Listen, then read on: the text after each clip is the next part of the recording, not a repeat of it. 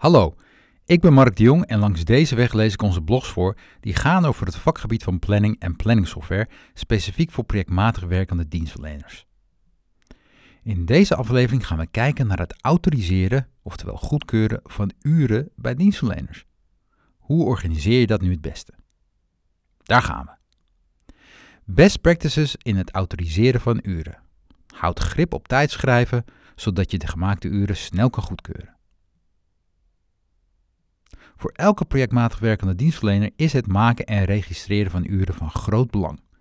Het is de basis voor het leveren van diensten aan klanten, die daar vervolgens voor betalen.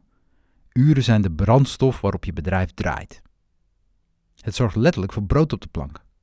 Het is dus essentieel dat die uren volledig, juist en op tijd beschikbaar zijn. Als medewerkers hun uren indienen, dan worden ze daarna door iemand gecontroleerd. Dit is uren autoriseren. Het is een handeling die je bij elke dienstverlener wel terugziet. Uren goedkeuren is niet het leukste om te doen, maar voor je bedrijf is het dus wel broodnodig. We kijken in deze blog als eerste naar waarom het goedkeuren van uren zo belangrijk is. Daarnaast bekijken we ook hoe je het proces van het goedkeuren van uren kan vormgeven. Hiervoor beschrijven we eerst het proces aan de hand van voorbeelden uit de praktijk. Zo schetsen we wat typische vraagstukken. Daarna gaan we in op de vraag waarom zou je überhaupt uren moeten goedkeuren. Vervolgens behandelen we drie methoden van uren autoriseren. We geven daarna een advies wanneer je welke methode het beste kan gebruiken. Tot slot sluiten we af met een aantal overwegingen. Voorbeeld van een urenfabriek. Om een goed beeld te krijgen van wat we met autoriseren van uren bedoelen, bekijken we een voorbeeld. In dit voorbeeld hebben we het over een bedrijf dat webapplicaties ontwikkelt. Naast medewerkers die langdurige projecten uitvoeren, worden er ook korte opdrachten uitgevoerd. Deze opdrachten bestaan bijvoorbeeld uit het verwerken van wijzigingsverzoeken en het oplossen van bugs in bestaande applicaties. Laten we beginnen. Elk project wordt aangestuurd door een projectmanager. Zij behouden het overzicht, hebben contact met de klant en sturen medewerkers aan. De korte opdrachten worden uitgevoerd onder de leiding van de teamleider van de medewerkers. De teamleider is verantwoordelijk voor de productiviteit van zijn medewerkers. De projectmanagers en de teamleiders zitten altijd te springen om de werkelijk gemaakte uren van de medewerkers. De projectmanagers willen graag zien of de uren die ze begroot hebben klopten. Daarnaast kan er voor projecten op basis van nakalculatie pas een factuur verstuurd worden als de werkelijke uren bekend zijn. De teamleiders willen om een andere reden de werkelijke uren zien. Met deze informatie kunnen ze namelijk zien wat de productiviteit van hun team is. Het proces van de projectmanagers en de teamleiders om de werkelijke uren te autoriseren verloopt vaak traag. Medewerkers moeten elke week hun uren indienen, maar dat gebeurt niet altijd. De medewerkers voeren in een week veel verschillende werkzaamheden uit. Met als gevolg dat ze vaak niet meer nauwkeurig kunnen aangeven waar ze mee bezig zijn geweest. Hierdoor worden uren af en toe weggeschreven op een algemene code. Projectmanagers krijgen pas een goed beeld van de status van hun projecten als medewerkers hun uren invullen. Daarnaast kunnen ze hun projecten ook pas factureren als de werkelijke uren bekend zijn. Hierom vragen de projectmanagers geregeld aan de medewerkers of ze hun uren willen invullen. Ook de teamleiders zitten achter de medewerkers aan. Zij moeten namelijk een rapport over de productiviteit opstellen en aan het management presenteren. Dit beeld zullen velen herkennen.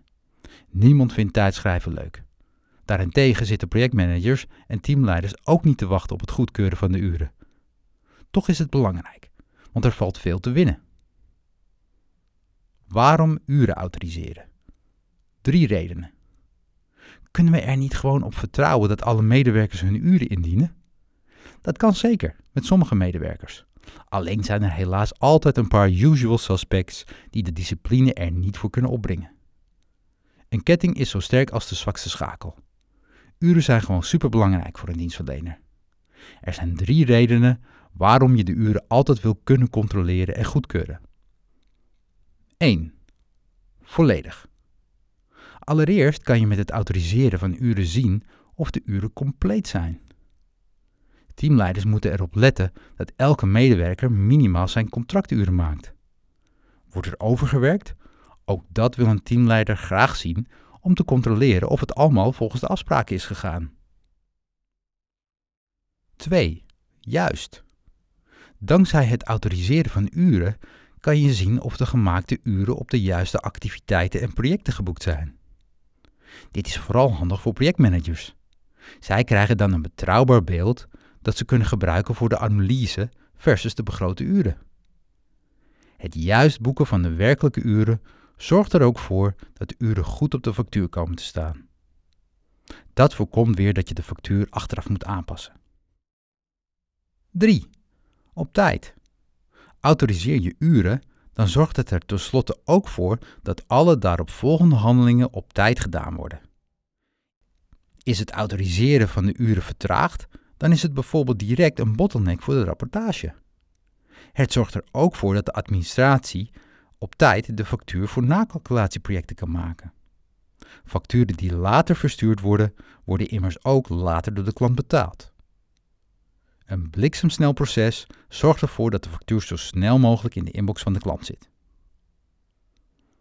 Wie gaat de uren autoriseren? Drie methoden.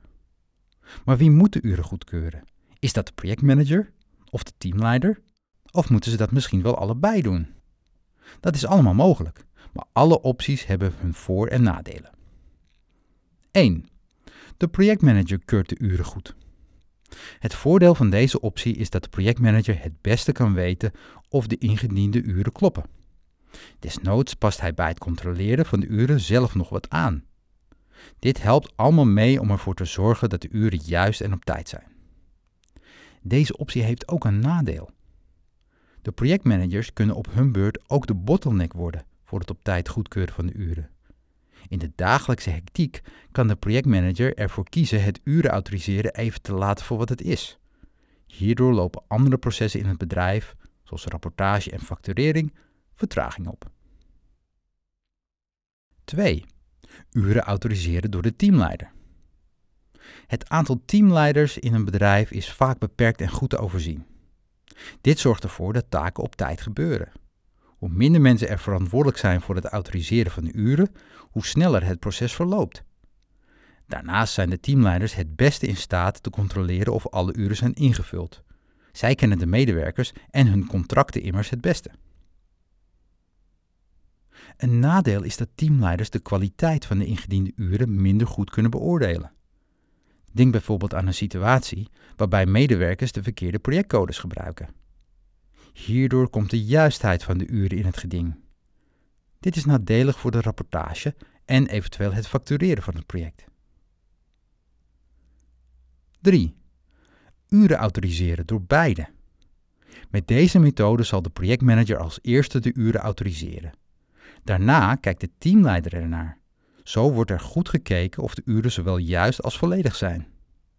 Het nadeel is dat nu niet één, maar twee medewerkers met de autorisatie bezig zijn. Dit komt de snelheid meestal niet ten goede. De teamleiders moeten eerst wachten op de autorisatie door de projectmanagers. Doen de projectmanagers er langer over, dan vertraagt dit het hele proces. Keuze op basis van omvang. Wat je kiest hangt samen met hoe groot je bedrijf is. Je kan hier dezelfde indeling toepassen als die we in de blog vier stadia van resource planning bespraken. Startup, standaardisatie, professionalisering en bureaucratie. Bij een start-up is iedere medewerker verantwoordelijk voor zijn eigen opdrachten. Het autoriseren van uren is dus niet nodig. Medewerkers voeren het project vaak alleen uit. Ze maken waarschijnlijk ook de rapportage en de factuur van het project. In de fase van standaardisatie zijn er nog geen afdelingen, maar zijn er wel een paar projectmanagers. Zij zijn verantwoordelijk voor de uitvoering van alle projecten en het overige werk. In deze fase van je bedrijf is het verstandig dat de projectmanagers de uren goedkeuren. Zij hebben tenslotte zicht op al het werk. Bij de professionalisering van een bedrijf ontstaan er teams. Deze teams worden aangestuurd door teamleiders en zij zijn verantwoordelijk voor de ontwikkeling en de productiviteit van de teams. De medewerkers voeren naast projecten ook taken uit onder directe aansturing van een teamleider. In deze fase van je bedrijf kan je de projectmanager en de teamleider het beste samen de uren laten goedkeuren. In de fase van bureaucratie is het bedrijf flink gegroeid. Het telt nu vele teams en veel projectmanagers. De uren door zowel de projectmanager als de teamleider goed laten keuren is niet langer haalbaar. Dat de uren op tijd en volledig zijn, zal het management in deze fase van het bedrijf het meest belangrijk vinden.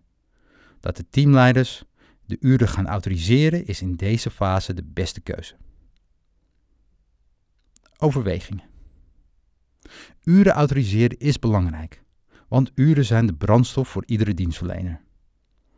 Omdat je de uren volledig, juist en op tijd wil hebben, moet je het proces goed organiseren. Discipline is daarbij de sleutel. Welke methode het beste past, is ten eerste sterk afhankelijk van hoe volwassen je met je projecten bent. Daarnaast telt ook mee hoe groot je bedrijf is. Er is een manier om er zeker van te zijn dat de ingediende uren juist zijn. Je kan er dan het beste voor kiezen om medewerkers dagelijks hun uren te laten vastleggen. Werk je vooral in kleine opdrachten van uren en halve uren, dan is dat zeker een optie. Aan het einde van de week weten de meeste medewerkers namelijk niet meer hoe lang ze aan welke opdracht hebben gewerkt. Het autoriseren van uren kan dan nog gewoon wekelijks plaatsvinden. Een andere optie is dat je alleen de uren voor bepaalde projecten gaat autoriseren. De uren van interne en vaste prijsprojecten goedkeuren is misschien minder belangrijk. Hierdoor zorg je ten eerste voor meer focus. Daarnaast verlaagt het ook de administratieve last bij je medewerkers. Tot slot is een professioneel systeem voor urenstaten en het autoriseren ervan onmisbaar. Bedenk eens hoeveel tijd je medewerkers kwijt zijn als zij handmatig uren verwerken en moeten controleren. Om nog maar te zwijgen over wat de risico's zijn voor de volledigheid, juistheid en tijdigheid van de uren. Bedankt voor het luisteren. Ben je geïnteresseerd in meer? Ga dan naar www.timewix.nl/blog om je gratis te abonneren. Tot de volgende.